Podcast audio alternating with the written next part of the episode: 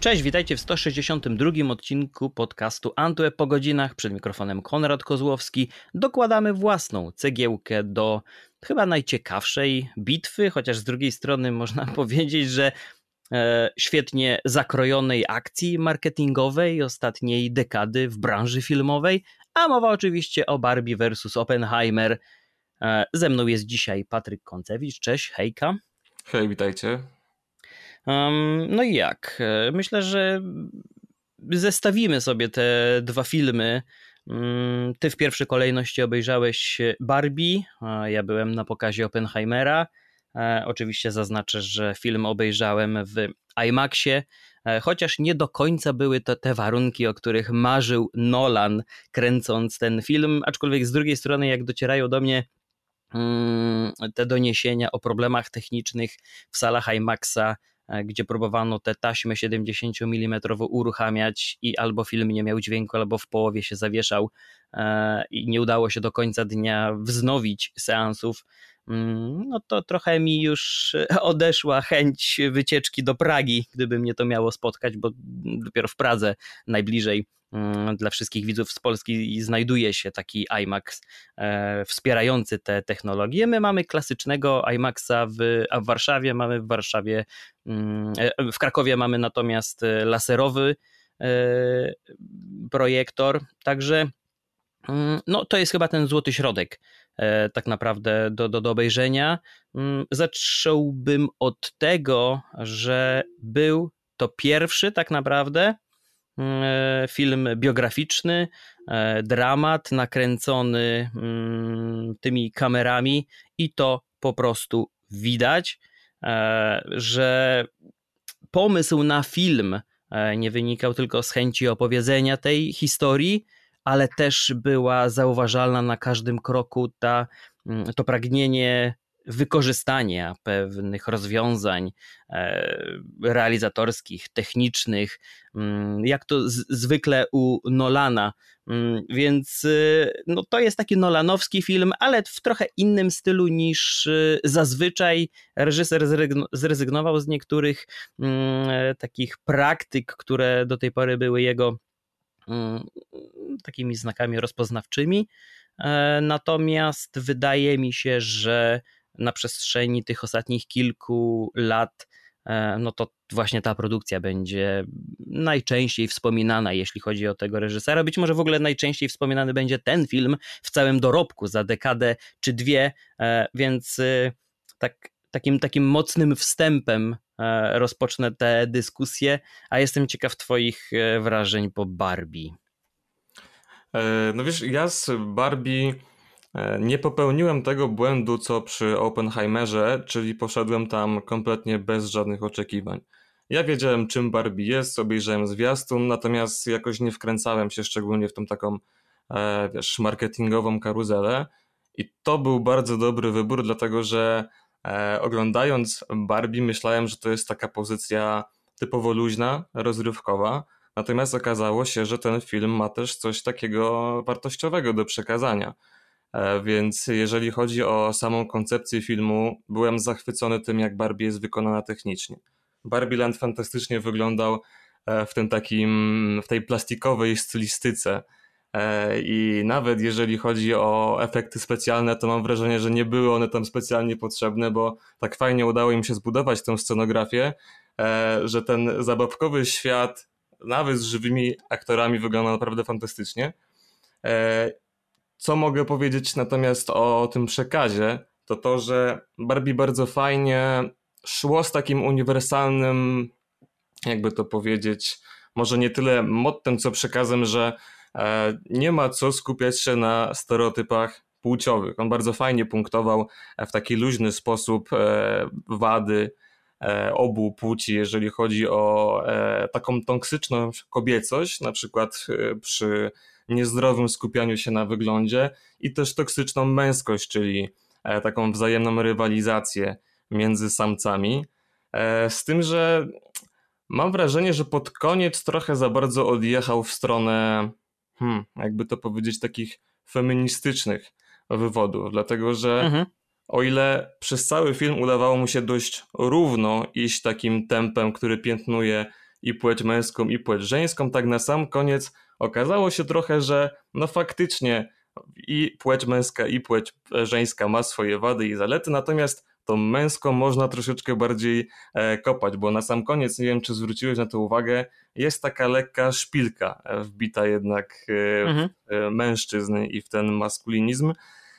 Na zasadzie takiej, że męskie potrzeby są troszeczkę jednak spychane na ten dalszy plan i mimo całego tego Ken enough i tego, że Ken jest wystarczający, taki jaki jest, to jednak te Barbie troszeczkę się bawiły tymi uczuciami, co w drugą stronę w przypadku, gdy Ken bawił się uczuciami Barbie, było piętnowane dużo mocniej, nie uważasz? Wiesz co, ja byłem w ogóle totalnie zaskoczony reakcjami innych osób e, te, które gdzieś tam usłyszałem przypadkiem po wyjściu z sali. E, widziałem mnóstwo opinii w internecie, e, czytałem kilka recenzji i tak prawdę mówiąc, wydaje mi się, że każdy, kto widział ten film, ma jakiś własny sposób na to, jaki, na to jak, jak można go interpretować, jak można go zrozumieć, jak można go odebrać. Oczywiście gdzieś tam są te wspólne mianowniki w tych wszystkich ocenach, w tych wszystkich opiniach. Wiele z tego, co powiedziałeś, pokrywa się z innymi, z pozostałymi opiniami. E, natomiast od osób, po których spodziewałbym się mm, takiej bardziej krytycznej opinii, tam pojawiały się same zachwyty, że, mm, że ten film zdołał jednak właśnie w ich opinii dowieść te wszystkie argumenty i kontrargumenty e, za takim lub innym porządkiem świata, że ten komentarz był jak najbardziej właściwy.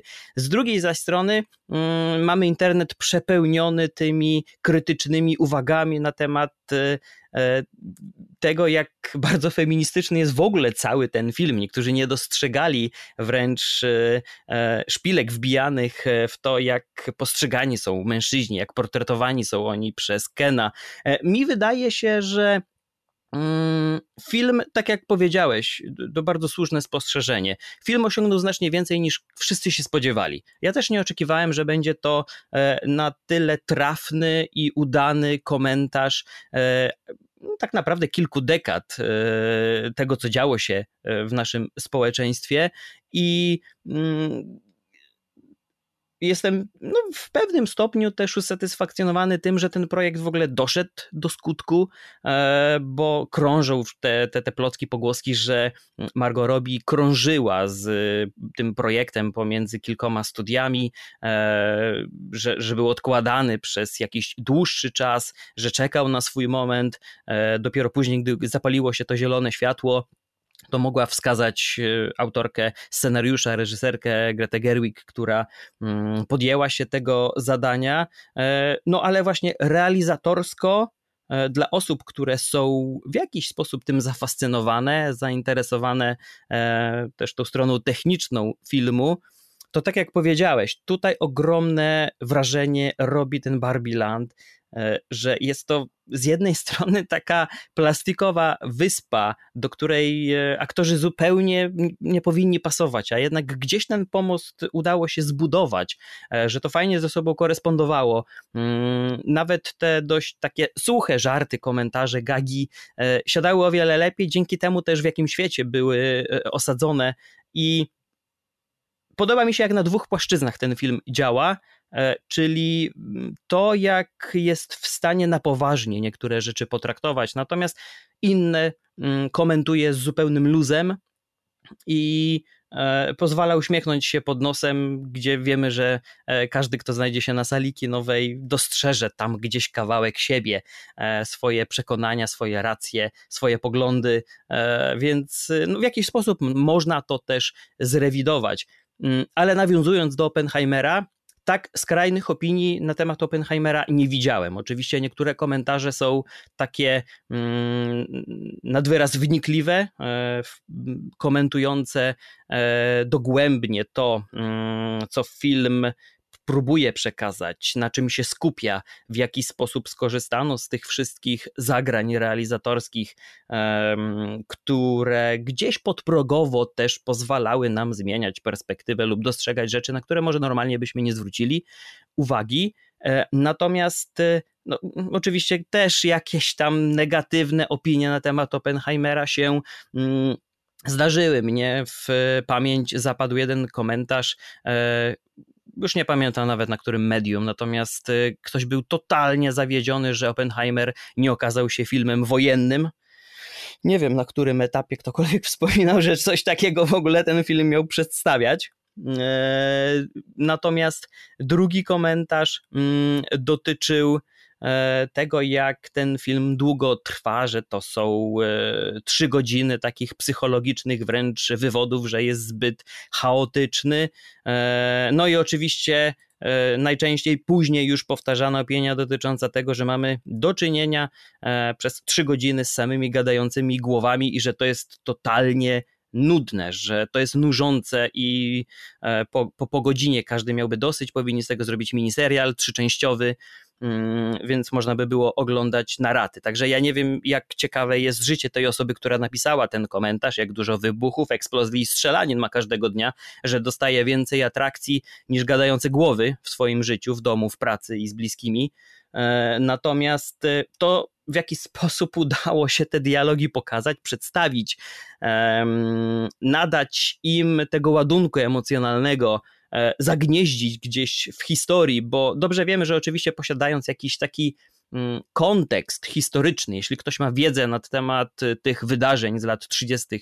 i 40., jeżeli ktoś śledził e, wszystkie dokumenty, artykuły, książki dotyczące tej tematyki. To też tutaj się o wiele lepiej odnajdzie. Może tych smaczków wyłowi jeszcze więcej, e, które Nolan ze swoimi współpracownikami przygotowali.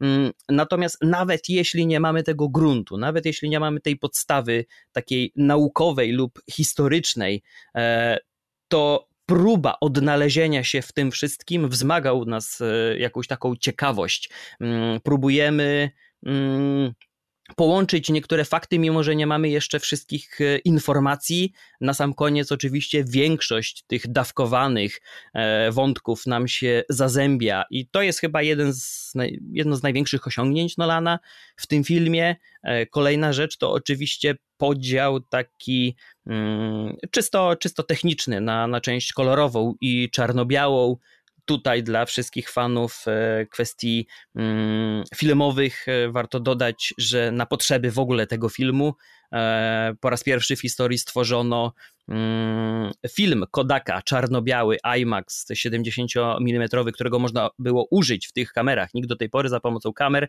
nie kręcił na filmie czarno-białym. Więc no, gdzieś to zaplecze techniczne też wpływa na to, jak odbieramy ten film. Natomiast jeśli nawet kilkunasto letnie osoby, i tutaj bardziej mówię o 11, 12, 13 latkach, aniżeli 18, 19 latkach, wychodzą z kina zainteresowane mm, zaangażowane, przejęte tą historią, one chcą jeszcze raz to obejrzeć, zrozumieć jeszcze więcej, szukają informacji w internecie na ten temat, a jednocześnie udało się tych dorosłych widzów też e, w jakiś sposób przejąć, pokazać im e, tak naprawdę, że te decyzje podjęte kilka dekad temu, e, no my żyjemy tak naprawdę w czasach zdefiniowanych e, przez, przez tamte wydarzenia. Mm, no, no to jest w, w jakimś stopniu e, osiągnięcie reżysera, który do tej pory miał dobre, bardzo dobre, e, albo świetne filmy. Natomiast mi się wydaje, że teraz pokazał że nie musi mierzyć się z gotowym materiałem, jak w przypadku Batmana, nie musi zmyślać totalnie jakiejś historii jak Tenet czy Incepcja, ale kiedy przychodzi mu się zmierzyć z faktami, z historią, z biografią, e, to te wszystkie sztuczki, które zastosował w poprzednich filmach, a tutaj wybiórczo z nich e, skorzystał, no dają taki niesamowity efekt. Wiesz, ja myślę, że te skrajne opinie na temat Oppenheimera wynikają też właśnie z tego, co powiedziałeś na początku, czyli z tego, że Nolan troszeczkę zmienił e, swoją stylistykę, swoją metodę pracy przy tym filmie. E, ja filmy Nolana uwielbiam e, i filmy Nolana zawsze miały to do siebie, że mm, w bardzo fajny sposób konsekwentnie budowały napięcie przez cały film, nawet jeżeli to były filmy długie. Żeby nawet dojść... Tenet? Powiesz, że Tenet też, czy nie? Czy Tenet budował napięcie? No i czy ci się podobał? Wiesz co, Tenet, Tenet był troszeczkę zbyt zagmatwany. To nie jest film, który oglądasz w piątek wieczór, żeby się zrelaksować po pracy, tylko to jest film, który można byłoby analizować na jakichś seminariach. Bo tam tak, się dzieje prawda. tak wiele i tak wiele zwrotów akcji, że e, no jeżeli nie skupiasz się dobrze na tym filmie, to ciężko wyciągnąć z niego jakąś wartość.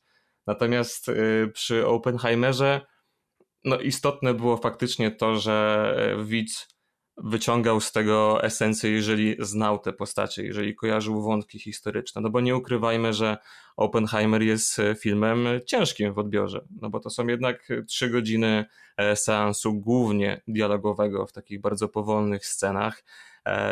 Na moim seansie, wierz mi lub nie, ale ludzie wychodzili po około dwóch godzinach. Mhm. Sam, byłem, sam byłem zdziwiony, bo bo to już zmierzało powoli do tego momentu, gdzie e, bomba powoli zostanie przetestowana po raz pierwszy, a ludzie mimo wszystko nie wytrzymali do tego momentu, jednak e, okazało się to zbyt obciążające, zbyt ciężkie dla niektórych i po części się z tym zgodzę, dlatego że miałem wrażenie, że troszeczkę ten film gubi tempo.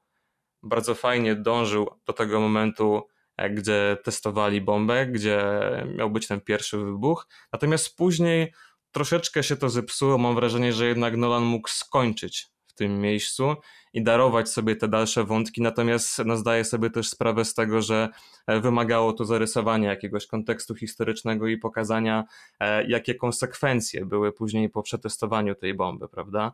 E, z tym, że wydaje mi się, że jednak Nolan lepiej się sprawdza w takim formacie, gdzie może sobie sam tą historię wymyślić i poprowadzić ją od początku do końca, natomiast tego formatu biograficznego troszeczkę nie uciągnął. No, być może to jest taka zmiana, której ja nie toleruję jako fan po prostu jego poprzednich produkcji, ale też rozumiem osoby, które się krytycznie na ten temat wypowiadały. Totalnie bym się nie zgodził, bo od momentu e, testu nowej broni, uwaga, gadżetu, nie bomby, e, jak sobie mm, pan Oppenheimer mm, życzył nazywać konstruowany przez e, niego element uzbrojenia mm, armii amerykańskiej. E, wtedy tak naprawdę ten film, to ostatnie, nie wiem, tam to jest godzina, 40 minut, może około 45 minut, wtedy tak naprawdę dla mnie następowała ta najciekawsza jego część. W sensie każdy element, każde informacje, sceny, gdzieś rzucone e, dialogi, e, w jakiś sposób zarysowane, niektóre postacie czy, czy, czy wątki, one składały się wtedy znakomicie w całość. Ja bym to nawet porównał do takiego zamka błyskawicznego w kurtce, gdzie, gdzie na początku może ci ciężko złapać trochę rytm, nie możesz tego dobrze wpiąć, ale kiedy już suniesz do góry, to po prostu siedzisz w fotelu, patrzysz się na ten ekran, chłoniesz każdą sekundę, każdy kadr i każdą nutę muzyki i każde słowo w dialogach, bo to jest ten moment, kiedy właśnie tutaj, wydaje mi się, najbardziej błysnął Nolan tym e, swoim e, talentem dopinania historii, pozostawiania delikatnie widza nieusatysfakcjonowanego do samego końca, z pewnym głodem, z pewną potrzebą zgłębienia tematu. E, no, przez ile lat toczyły się dyskusje na temat tego, czy w Incepcji e, główny bohater znajdował się ostatecznie w, świecie rzeczywistym, czy we śnie. Dopiero niedawno to mm, skomentował i uciął wszelkie spekulacje. Natomiast Wydaje mi się, że tutaj ten finał był najlepszy, kiedy już y, mieliśmy podane wszystko na tacy i kiedy już mogliśmy zobaczyć, do jakich konsekwencji to wszystko doprowadza. E, zauważ, jak przez dwie trzecie filmu e, skupiamy się na wszystkich tych krokach ku temu, by bombę zbudować. Te odwiedzane inne ośrodki, kolejne rozmowy, zdobywanie informacji. Mm, jest to też w jakiś sposób e, przedstawiane e, poprzez zbieranie surowców, czyli wypełnianie tych dwóch naczyń tymi szklanymi kulkami, to chyba takimi mm, z, takim, mm, z taką wkładeczką. To wszystko no, posuwało się powoli jak e, pociąg, który dopiero odjeżdża ze stacji, ale później mm, kiedy już ich praca naukowców została wykonana, to tak naprawdę dostajemy takie urywki z historii pokazujące, co się później ze wszystkimi bohaterami tamtych wydarzeń stało, jak no tak naprawdę z dnia na dzień, z marszu, armia zaczęła decydować o tym, co dzieje się z kolejnymi mm, bombami, które były przygotowywane w Los Alamos. E, w mgnieniu oka one powstały zapakowane na ciężarówki, wyjeżdżają z miasta. E, gdy Oppenheimer próbuje się dowiedzieć, kiedy zostaną e, zrzucone, pyta generała Grovesa, czy, czy da mu znać, czy może się wybrać do Waszyngtonu. On jest totalnie spychany na bok, a później oczywiście to, to, to jeszcze bardziej postępuje postawiony jest przed tym dylematem, e, przed komisją, gdzie gdyby nie zdecydował się zeznawać i walczyć o zachowanie dostępu, to oczywiście przyznałby się do tego, że, że nie jest tego godzin. Natomiast e, próbując odzyskać przepustkę, e, jest skazany na porażkę. I skoro film nosi tytuł Oppenheimer, to właśnie ta historia była tutaj najważniejsza. Ja cieszę się, że te aspekty naukowe i fizyki kwantowej nie są aż takim dużym elementem tego filmu. Oczywiście gdzieś ten głód właśnie się pojawia. Ja chciałbym może odrobinę więcej zrozumieć to, by zostało to w jakiś sposób zobrazowane, jak to wszystko działa, ale z drugiej strony wtedy zatracilibyśmy się w tych aspektach, e, zamiast skupić się na tej postaci, na Oppenheimerze, na gościu, który e, no nie wiódł letwe, e, łatwego życia, mm, momentami był totalnie zagubiony w tym, co, co, co robić dalej, jednak w jakiś sposób parł do przodu i e, te, te, te cele starał się albo osiągał. E, więc to ta godzina, moim zdaniem, jest taką kropką nad i, ta, ta, ta ostatnia godzina, kiedy dostajemy już ten deser, kiedy możemy e, w jakiś sposób przemyśleć e, albo zreflektować się na tym, co widzieliśmy do tej pory i jakie to przyniosło skutki, jakie są tego efekty. Oczywiście pojawiło się tutaj w tym filmie. Trochę zmyślonych e, sytuacji, udramatyzowanych. Spotkanie Oppenheimera z Einsteinem e, zostało wplecione do filmu, mimo że nigdy się nie wydarzyło. Obydwaj panowie się znali, e, wiedzieli o sobie, jakieś tam między nimi rozmowy się odbyły na, na, na pewnych wydarzeniach, w jakimś tym świadku naukowym też współegzystowali, ale nigdy to nie byli na tyle duzi przyjaciele, e, by tak jak chociażby w jednej ze scen mm, Einstein mógł wyjść do Oppenheimera gdzieś z mroku, z auta, e, niczym jakiś sąsiad, który właśnie był na spacerku, e, by mu podpowiedzieć, by wycofał się z walki z własnym rządem. Więc tutaj takie, takie, takie elementy się dodatkowe z jego strony pojawiły, ale z drugiej strony bardzo fajnie zestawiło to też obydwie postacie i ich wpływ na to, bo przecież Einstein uciekł od, od e, konsekwencji e, swoich działań i nie chciał kontynuować ich, e, bo wiedział do czego może to do, do, doprowadzić, natomiast Oppenheimer wręcz przeciwnie. On już był w takim momencie historii, kiedy e, mógł przychylić szale na jedną ze stron i oddać e, prym innym mocarstwom, Rosji mm, chociażby, czy, czy, czy nazistom, Niemcom, ale wiedział, że to tutaj, po tej stronie oceanu musi e, zostać wynaleziona bomba atomowa, bo inaczej wszyscy będą w zagrożeniu. Więc nie wiem, jak na to zareagujesz, ale mi się wydaje, że to ta godzina sprawia, że ta, ta ostatnia godzina filmu sprawia, że Oppenheimer zostawia takie, a nie inne wrażenie, że ogląda się go tak dobrze, bo w mojej ocenie to właśnie te pierwsze 30-25 minut, kiedy skaczemy po takich kolejnych wydarzeniach z życia Oppenheimera, to tutaj jest, mi się wydaje, najwięcej chaosu. Starał się z jednej strony jak najwięcej o nim nam pokazać, zarysować takie tło historyczne z jednej strony, natomiast z drugiej strony też e, pokazać z jakimi problemami mierzył się mm, Oppenheimer na, na etapie czy to studiów, czy późniejszych badań to tutaj wkradło, wydaje mi się, trochę chaosu. To tutaj najtrudniej jest y, przedrzeć się przez ten film, ale później już, później już jest znacznie, znacznie, znacznie lepiej. No tą ostatnią godzinę faktycznie możemy uznać jako taki moment na złapanie oddechu, prawda? Na, na wyciągnięcie wniosków e, z tego, co do tej pory zobaczyliśmy, z tym, że e, no tutaj zakładając, że tym elementem kulminacyjnym był właśnie test zabawki, jak to pięknie ująłeś. Gadżetu. No to, gadżetu, gadżetu, przepraszam, faktycznie gadżetu.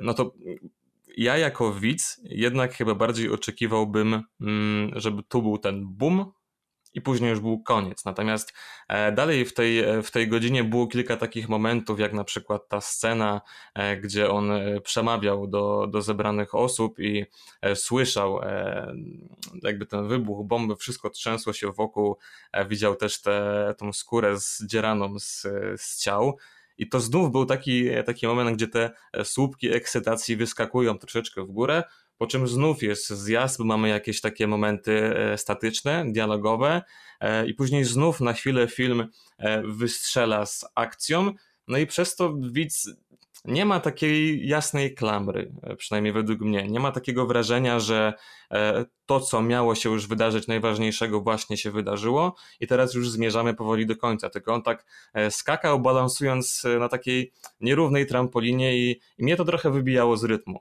jak przez tą ostatnią godzinę właśnie.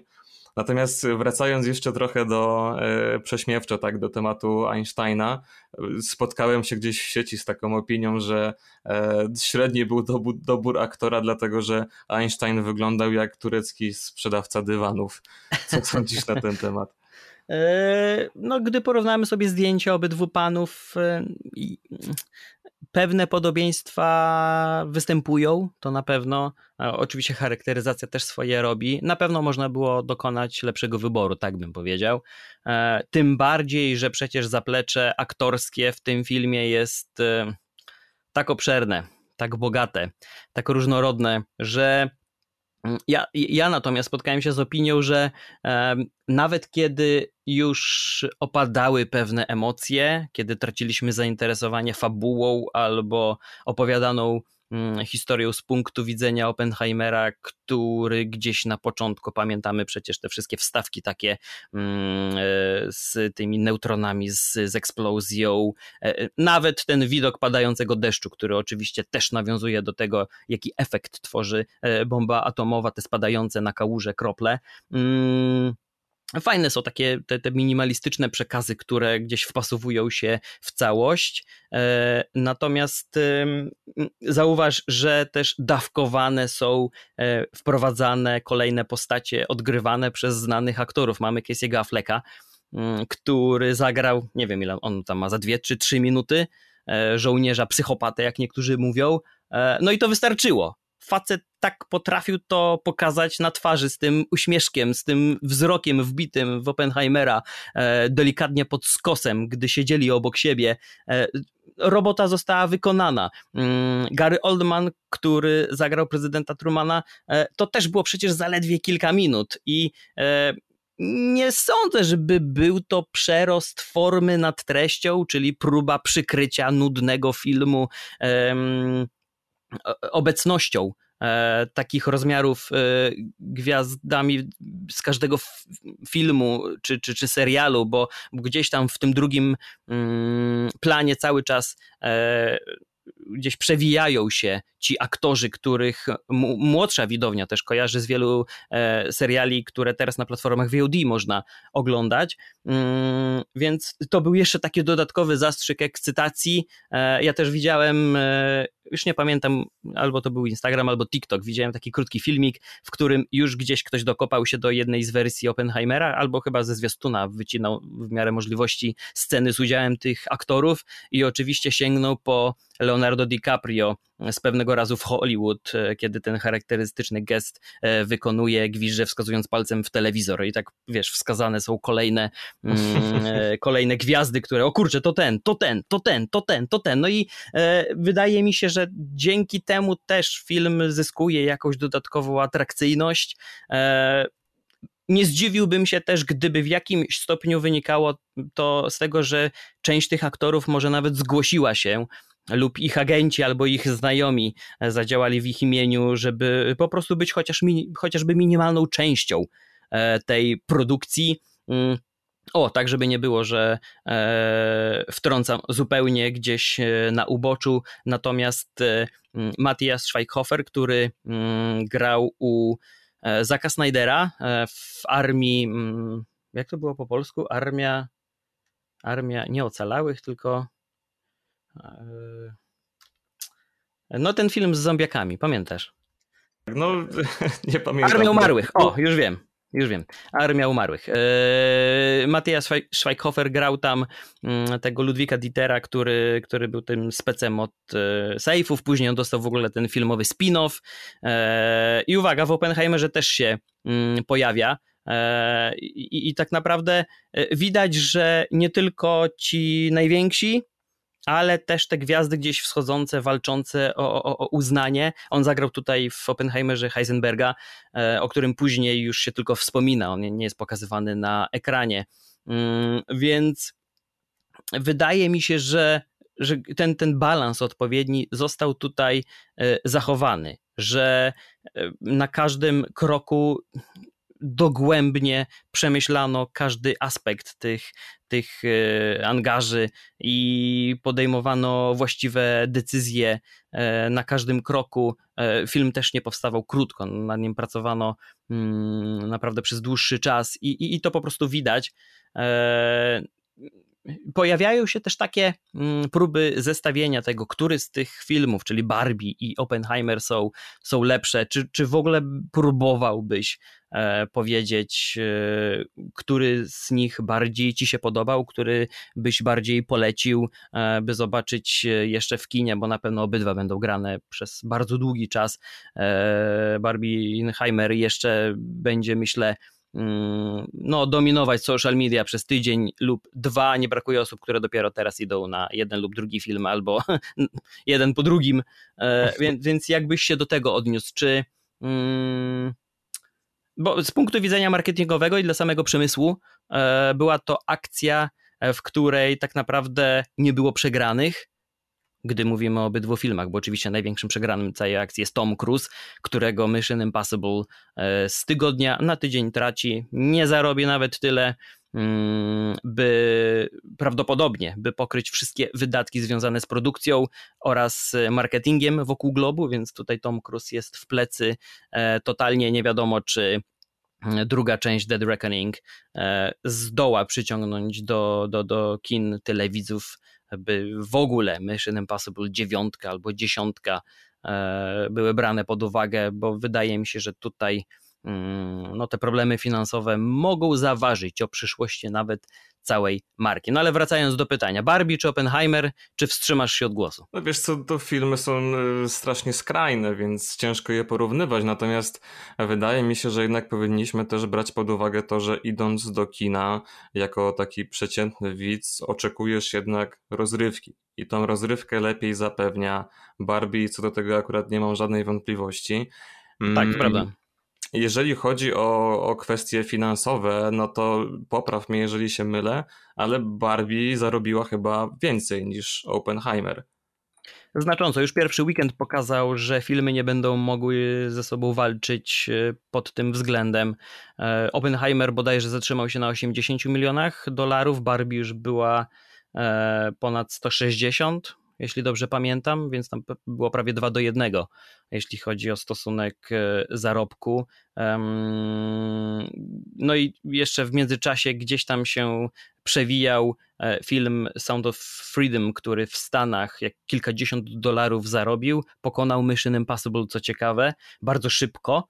Mm, no i podbiera trochę pieniędzy i, i Barbie i Oppenheimerowi, ale tak, no finansowo Barbie to jest przeogromny sukces, jeśli chodzi o filmy Nolana, to Oppenheimer radzi sobie e, najlepiej, przebił najpopularniejsze wcześniej chociażby Mroczny Rycerz, kurczę i, i coś jeszcze, ale, ale, ale finansowo Oppenheimer to mimo wszystko mm, najbardziej dochodowy film Nolana, tylko wydaje mi się, że też na tej e, rywalizacji Barbie versus Oppenheimer to, to film Nolana zyskał znacznie więcej. E, Barbie nie potrzebowała chyba takiego rozgłosu, takiego duetu w mediach, e, no ale gdy ktoś był zainteresowany tylko różową produkcją, to na tą pomarańczową prawdopodobnie poszedł właśnie dlatego, że Oppenheimer był takim stałym bywalcem zaraz obok Barbie w każdym newsie, w każdym wideo, w każdym podcaście, tak jak i ten dzisiejszy.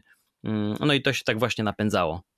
Wiesz, y, gdybym miał polecić, albo może inaczej, gdybym miał jeszcze raz się wybrać na któryś z tych filmów, e, to nie bij mnie proszę, ale wybrałbym się chyba jednak na Barbie, dlatego że Oppenheimer wymaga dużo więcej zaangażowania i dużo więcej wiedzy, żeby czerpać z tego filmu satysfakcję. Natomiast Barbie jest lekkie, przyjemne i zabawne samo w sobie. Mhm. E, tam nie musisz się zbytnio przygotowywać przed tym seansem. Natomiast jeżeli chodzi o. No i nie wychodzisz zdołowany z kina, nie? Tak, tak, to też prawda. No jeżeli chodzi o Oppenheimera, to jednak dobrze by było zrobić mały research przed tym seansem, no bo tak e, oglądanie tego bez, bez wiedzy, bez kontekstu e, historycznego się troszeczkę mija z celem. I też ja po prostu się lepiej bawiłem na, na Barbie E, może to właśnie dlatego, że podchodziłem do tego filmu bez jakichś większych oczekiwań. Mm, natomiast z Oppenheimera wychodziłem troszeczkę rozczarowany, a to głównie dlatego, e, że jakoś nie przemówił do mnie ten motyw e, z bombą robioną bez CGI. Ja wiem, że ty bardzo mocno chwaliłeś ten aspekt w swojej recenzji na Antywebie, że było to robione bez efektów specjalnych. Natomiast mam wrażenie, że mogli to troszeczkę jednak CGI-em podrasować to też widziałem na twarzach innych osób w kinie w momencie, gdy ta bomba już wybuchła, kurz opadł, to się tak delikatnie rozejrzałem po sali i widziałem po twarzach ludzi, że no jednak chyba nie tego się spodziewali. Ja też oczekiwałem trochę większego boom. Eee, nie wiem, jakie, jakie masz akurat w tej kwestii do tego podejście, ale e, wydaje mi się, że tutaj Nolan trochę tego nie uciągnął, a to był jednak najważniejszy element w tym filmie. Um, ciężko mi się tak jednoznacznie do tego odnieść, bo ja byłem e, najpierw totalnie zaskoczony, natomiast e, później pojawiła się spora satysfakcja mm, z tego powodu, że właśnie nie skupiono się na tej samej eksplozji, że skupiono się na bohaterach, na tych, których życie w dużym stopniu zależało od powodzenia tego testu, że Mm, my słyszymy ich kroki, ich oddech, że słyszymy mm, to, co dzieje się z organizmem każdego z nich, a nie skupiamy się na samym wybuchu. My widzimy tylko te takie wizualne aspekty, e, ten, ten blask, e, te, te, tę jasność, która albo pada na ich okulary, albo na otaczające ich e, mm, budynki czy, czy, czy wzgórza. Dopiero później zwracają się ku, ku, ku, ku samemu epicentrum tej eksplozji. Mm, gdzieś usłyszałem w jednym z podcastów, że to wcale nie był też taki stuprocentowo filmowy zabieg, że e, ten odgłos wybuchu dotarł do nich dopiero po takim czasie e, i w kinie dopiero widownia usłyszała go po tych kilku tam, nie wiem czy to było kilkadziesiąt e, sekund, czy, czy, czy raczej już w minutach możemy liczyć. Mm, natomiast tak też było w rzeczywistości, że oni najpierw zobaczyli rozbłysk i dopiero po, po kilku 10 sekundach, po kilku minutach dopiero, do, gdy docierała do nich też fala uderzeniowa, oni dopiero mm, usłyszeli ten huk eksplozji, który też był oczywiście o wiele większy niż e, się spodziewali. E, no to I... też było 10 kilometrów, nie? Więc e, ten dźwięk musiał przebyć też tą drogę. No właśnie, tylko że nie do każdego docierają te aspekty, jak funkcjonuje rzeczywistość. Gdy oglądamy Gwiezdne Wojny, gdy oglądamy filmy wojenne, gdy e, z, wszystkie tego typu, e, nawet Mission Impossible, gdy wszystko, gdy wszystkiemu temu się przyglądamy gdzieś jako zwykły widz niezaangażowany, to oczywiście raczej spodziewamy się tego, że mm, gdy widzimy coś, to usłyszymy to w mgnieniu oka e, e, na zasadzie kilku sekund. A tutaj, tak jak mówisz, to było 10 kilometrów, przy niektórych stanowiskach nawet więcej. Mm, I mi się wydaje, że ten aspekt wykorzystano tutaj znakomicie. Być może gdyby efekt wizualny był bardziej mm, widowiskowy, gdyby to było bardziej blockbusterowe, to część osób nawet poszłaby jeszcze raz, żeby zobaczyć i posłuchać tego w kinie.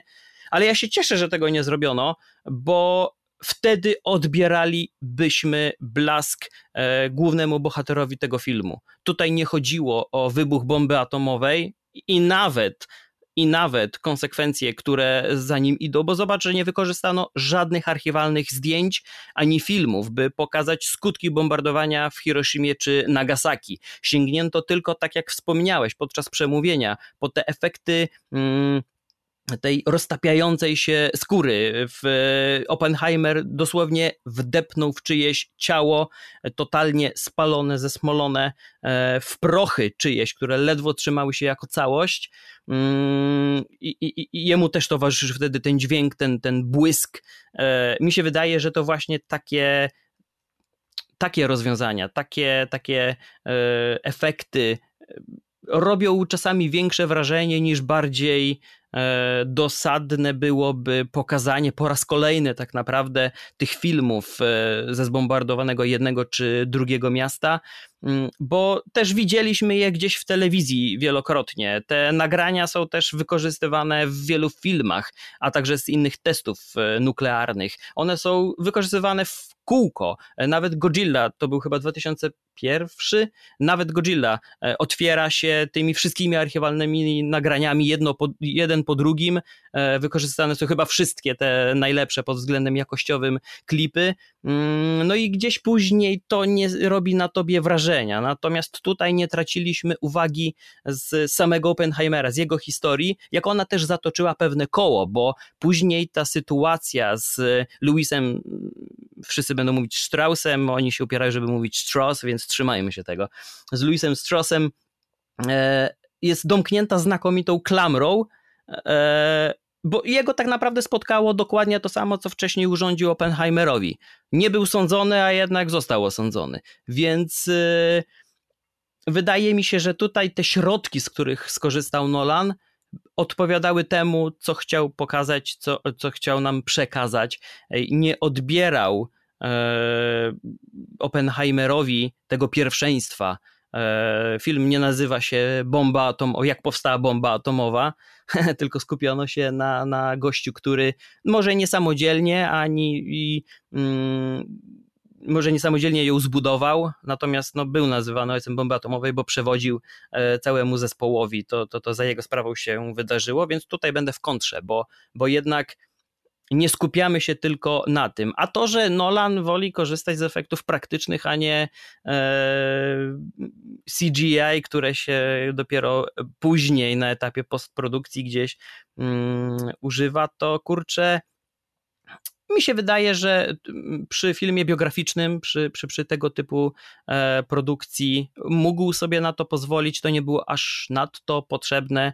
E, naprawdę podobają mi się te wstawki które próbują też w jakiś sposób zobrazować nam, e, co dzieje się w umyśle Oppenheimera, te, te cząsteczki uderzające o siebie, te eksplozje, e, taka próba przedstawienia fizyki w takiej formie wizualnej, e, a jednocześnie gdzieś starania przeniesienia na taki obraz zawiłości i poziomu skomplikowania i przeżywania tak naprawdę, emocjonowania się tym wszystkim przez Oppenheimera, e, to zostało wszystko nakręcone e, faktyczną kamerą gdzieś w takich specjalnie przygotowanych mm, kapsułach. E, każdy z tych efektów był wywołany za pomocą ekipy od efektów specjalnych. Tutaj też w ogóle warto wspomnieć, jaka jest różnica mm, w języku angielskim, że my mówimy efekty specjalne, gdy mówimy o tych efektach e, CGI-owych, komputerowych. Natomiast po angielsku będziemy mieli zestawienie special effects, czyli te praktyczne i visual effects, czyli wizualne i tutaj są te CGI-owe, więc jeżeli ktoś się natknie na klipy, to nie zdziwcie się, że tak się do tego odnoszą. E, no i właśnie ja w ogóle jestem ciekaw, w jaki sposób e, to wszystko wyglądało na planie, jak, jak, jak próbowano wywołać efekt bomby atomowej. Mm, do tej pory pamiętam e, te pierwsze doniesienia w ogóle o, o Oppenheimerze, o tym, że Nolan nie będzie korzystać z efektów CGI. E, no a dobrze wiedzieliśmy, że wybuch bomby atomowej przynajmniej raz będzie musiał pokazać na ekranie.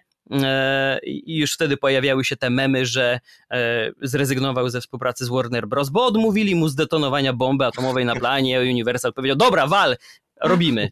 Więc to już tak, żeby trochę rozluźnić atmosferę, bo żeśmy zabrnęli strasznie w strasznie poważne tematy. Mm, także wydaje mi się, że fajnie, że jest takim orędownikiem takich nie powiedziałbym prostszych środków przekazu, bo to nie było łatwiejsze do wykonania, ale z drugiej strony nie są to takie proste w, pod, pod kątem skomplikowania mm, y, rozwiązania, które mogłyby właśnie odciągnąć gdzieś tą koncentrację na tytułowym bohaterze, odebrać mu splendor, e, o tym mówiono by więcej, a jednak ja gdzieś właśnie jak podsłuchałem te, te, te rozmowy, gdy sam ze znajomymi rozmawiałem, to wszyscy do tego, do tego dylematu Oppenheimera wracali i ja byłem dwa razy i też już, już, już zmierzamy ku końcowi, więc mm, ze swojej strony tylko dodam, że po pokazie premierowym, w, który był w czwartek wieczorem, ja, ja byłem może nie tyle przytłoczony filmem, co dostarczył mi tylu wrażeń, że do piątku, do soboty, w ogóle do niedzieli nawet nie czułem potrzeby obejrzenia go ponownie. Czułem, że się nasyciłem tą historią, że to, to, to wystarczyło. Natomiast gdy dopiero później te wszystkie obrazy, te wszystkie dialogi mm, wracały, e, no pojawił się głód, pojawiła się e, ochota na, na kolejny seans i gdy w e, tydzień później w niedzielę już byłem w IMAXie, to wyobraź sobie, że w niedzielę o godzinie 11 cała sala IMAX była zapełniona. Nawet te e, najniższe rzędy, de facto najgorsze miejsca, e, nawet tam ludzie zdecydowali się usiąść, by ten film w IMAXie w niedzielę o 11, gdzie wiemy, że część osób śpi do 9, 10, 11 do 12. E, jednak sala była zapełniona. E, gdy wychodziliśmy, już kolejne hordy ludzi e, zmierzały na seans e, chyba o 13 czy o 14 z groszami więc e, wydaje mi się, że wrażenie zrobił. A już nawiązując na sam koniec do tego, co mówiłeś, oczywiście Barbie jest filmem rozrywkowym. Mm, I chwała mu za to, że ze swojego zadania wywiązał się tak dobrze, że i, i trochę i uczy i bawi, jeśli możemy tak to generalizując ująć, Natomiast cieszę się, że gdzieś w tym różowym mm, blasku nie, nie, nie umknął ludziom Oppenheimer i e, wydaje mi się, że to będzie najważniejszy film, no przynajmniej w dotychczasowym dorobku Nolana mm, i równie popularny będzie na VOD, chociaż tutaj pojawiają się z mojej strony pewne obawy, że właśnie ten metraż, te trzy godziny sprawią, że Oppenheimera spotka to, co wydarzyło się z Irlandczykiem na Netflixie, którego mało kto zdołał przebrnąć online. Dzielono go sobie na odcinki, no ale zobaczymy, zobaczymy. No, ja jeszcze wracając tak y, na sekundkę e, do samego tego wybuchu e, bomby, to absolutnie nie krytykuję e, tego metaforycznego podejścia Nolana i jak najbardziej się tutaj na tym podłożu z tobą zgadzam. Natomiast wydaje mi się, że też winne są tutaj trochę media, które zrobiły taki przepotężny hype na to, jak niesamowity będzie ten wybuch, jakie to będzie widowisko na skalę historyczną kina i być może dlatego też mam takie mieszane e, uczucia. A nie wiem, czy tak było zapowiadane. Mi się wydaje, że skupiono się tylko na tym aspekcie, że będzie to, e, że będą to efekty praktyczne, a nie komputerowe, ale w, nie wiem, na, ja, ja nie odbierałem tych doniesień jako wielkie wydarzenie, które e, no, z, z, zmiecie omen nomen. Eee... Widzów z pierwszego rzędu. Tak, tak, tak. E, natomiast fajne, fajne było bardzo to też odnosząc się do e, samych konsekwencji, tak jak powiedziałeś.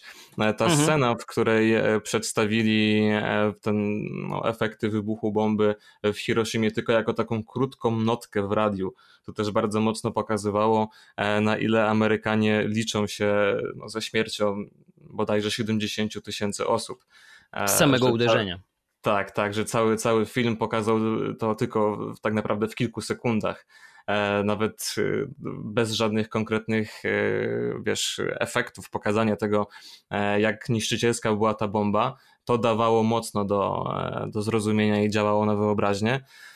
Natomiast jeszcze tak w kwestii porównania Barbie i Oppenheimera, żeby to spiąć klamrą, Myślę, że e, Barbie jest fajnym filmem, żeby się po prostu dobrze na nim bawić i szybko o nim zapomnieć. Natomiast Oppenheimer e, faktycznie wychodzisz z niego troszeczkę zdołowany, ale później masz jeszcze dobre kilka godzin dyskusji ze znajomymi na temat tych wszystkich smaczków, mhm. motywów i emocji, które w tobie ten film wywołał. Więc e, hmm, Myślę, że jednak w tym starciu postawiłbym na Barbie, bo to jest lżejsze kino, ale Oppenheimer jednak zostawia dużo więcej emocji po seansie i na pewno zapada bardziej w pamięć. To ja tylko dodam, że wydaje mi się, że Oppenheimer no nie będzie może aż taką rozrywką, ale będzie bardziej uniwersalnym filmem, e, bo nie dotyka on tych takich mm, tematów, które gdzieś w Barbie najbardziej wybrzmiewają, e, ale no, stara się przynajmniej na tyle, ile może mm, dotknąć każdego, kto jest y, na sali, niezależnie od wieku, płci, przekonań, e, religii, czegokolwiek e, innego. I, mm, i to jest film, który e, no, powinien, przynajmniej powinien no, trafić do, do, do jak najszerszego grona odbiorców, bo nawet jeśli ktoś nie będzie na tyle zafascynowany, by zgłębiać tę tematykę i, mm, i czytać coś więcej, to mi się wydaje, że ten najważniejszy cel, który przyświecałby przy tego rodzaju produkcji, został osiągnięty, czyli wystraszyć. To, to, to chyba będzie najbardziej e, bezpośrednie i dobitne określenie. Wystraszyć widza tym, co wydarzyło się w latach 40. E, i no, jakie zagrożenie też w jakimś stopniu nad nami wszystkimi cały czas się znajduje. Mm, więc tak, Oppenheimer zyskał więcej e, na tym duecie z Barbie niż Barbie, ale, ale, ale koniec końców obydwa filmy mm, nie wiem w jakiej kolejności wolałbym je obejrzeć jak po raz, po raz pierwszy, szczerze mówiąc. E, wydaje mi się, że Barbie mogłaby zmyć trochę ten taki niepokój e, e, Oppenheimerowski. Natomiast z drugiej strony po Barbie zobaczyć Oppenheimera. No. no. Jeśli ktoś wytrzyma te 5 godzin w kinie. No, no ja właśnie w takiej kolejności to oglądałem i, e, i chyba jednak podpiszę się pod tym, że lepiej byłoby zmywać te emocje Oppenheimera Barbie. Po dzisiejszej dyskusji chyba u każdego gdzieś e, pojawiają się już przesłanki ku temu, by zdecydować, czy i który film najpierw obejrzeć. Może na koniec e, podsumujmy tak słuchaczom, czy faktycznie lepiej wybrać się na tą wersję do IMAXa, e, no bo wiemy, że te miejsca w kinach są dość mocno ograniczone i wciąż są tłumy na salach, czy można jednak spokojnie wybrać się na wersję nie IMAXową, mając pewność, że jednak nie stracimy żadnych konkretnych wrażeń? Wydaje mi się, że IMAX powinien być jednak tym docelowym środowiskiem dla tego filmu. E, ja tutaj jednak e, posłużę się najpierw e, odniesieniem do innej produkcji. Będzie nią pierwszy człowiek Damiana Szazela, mm, którą widziałem po raz pierwszy w IMAXie, a później wybrałem się na ponowny seans do, no, nazwijmy to, zwykłego kina. I doskonale pamiętam ten moment opuszczania mm, lądownika przez astronautów na Księżycu kiedy właśnie w filmie nakręcono te sekwencje za pomocą IMAXa. Wszystko, tylko i wyłącznie sceny na Księżycu były nakręcone IMAXem, mm, natomiast pozostała część w klasyczny sposób. I pamiętam, że wtedy mm, w IMAXie byłem totalnie wciągnięty e, w ten pobyt w zupełnie innym środowisku niż do tej pory się przemieszczaliśmy. Mm, a tutaj w Oppenheimerze mamy cały czas te wyjątkowe okoliczności, e, bo nie tylko te szerokie plany, czy najbardziej widowiskowe sceny, jeśli można takie określić, mm, nagrywano kamerami IMAX, ale całość, czyli także zbliżenia, dialogi, e, no to daje, wydaje mi się, większą szansę na odczucie wszystkiego, co było w zamiarach twórców. To znaczy, jeszcze bardziej obrazem i dźwiękiem jesteśmy wciągani w ten trzygodzinny, jakby nie patrzeć, dramat, i dzięki temu te trzy godziny mogą być dla tych, którzy się najbardziej metrażu obawiają, e, jeszcze bardziej mm, strawne, przyjemne, ekscytujące. E, nawet te eksplozje czy inne efekty dźwiękowe robią o wiele większe wrażenie. E, no i też wydaje mi się, że warto zobaczyć go w IMAXie również z tego powodu, że to jest właśnie w całości nakręcony tymi kamerami film. E, po raz pierwszy mm, nie jest to film z gatunku kina akcji, czy jakieś science fiction, czy wojenny, a, a dramat, przegadany dramat gadający głowy przez trzy godziny, ale jednak IMAX. I Oczywiście, że zrobi wrażenie w na klasycznej sali kinowej, natomiast tutaj ten próg wejścia do tego świata w IMAXie będzie dla zwykłego widza o wiele mniejszy. Nie będzie wymagane takie koncentrowanie się, skupianie na tym, co się dzieje na, na ekranie, e, bo tutaj tak naprawdę ta historia wręcz wylewa się z ekranu. E, mała podpowiedź, raczej siadałby modus mego rzędu wzwyż, mm, no bo wtedy też mamy o wiele łatwiej na takie objęcie wzrokiem całości, żeby się tym wszystkim ponapawać. Jednak te rzędy niżej sprawiają, że musimy e, ćwiczenia szyi wykonywać czasami przy dialogach szczególnie, żeby wyłapać wszystko. No ale pamiętajmy też, że są napisy na dole ekranu i wtedy też pracujemy, mm, więc IMAX na pewno i ósmy rząd i wzwyż.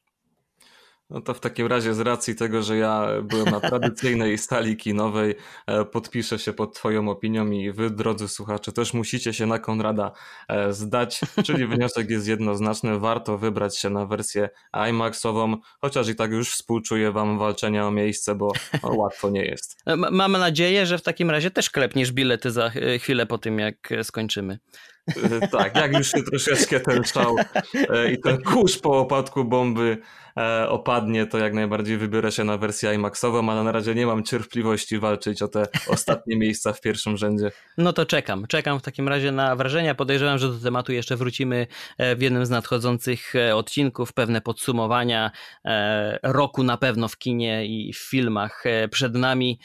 No a dzisiaj będziemy zamykać w takim razie i pewnie słyszymy się niebawem. Dzięki wielkie. Słyszymy się pewnie w przyszłym tygodniu. Tak jest. Dzięki serdeczne i do usłyszenia. Trzymajcie się. Cześć.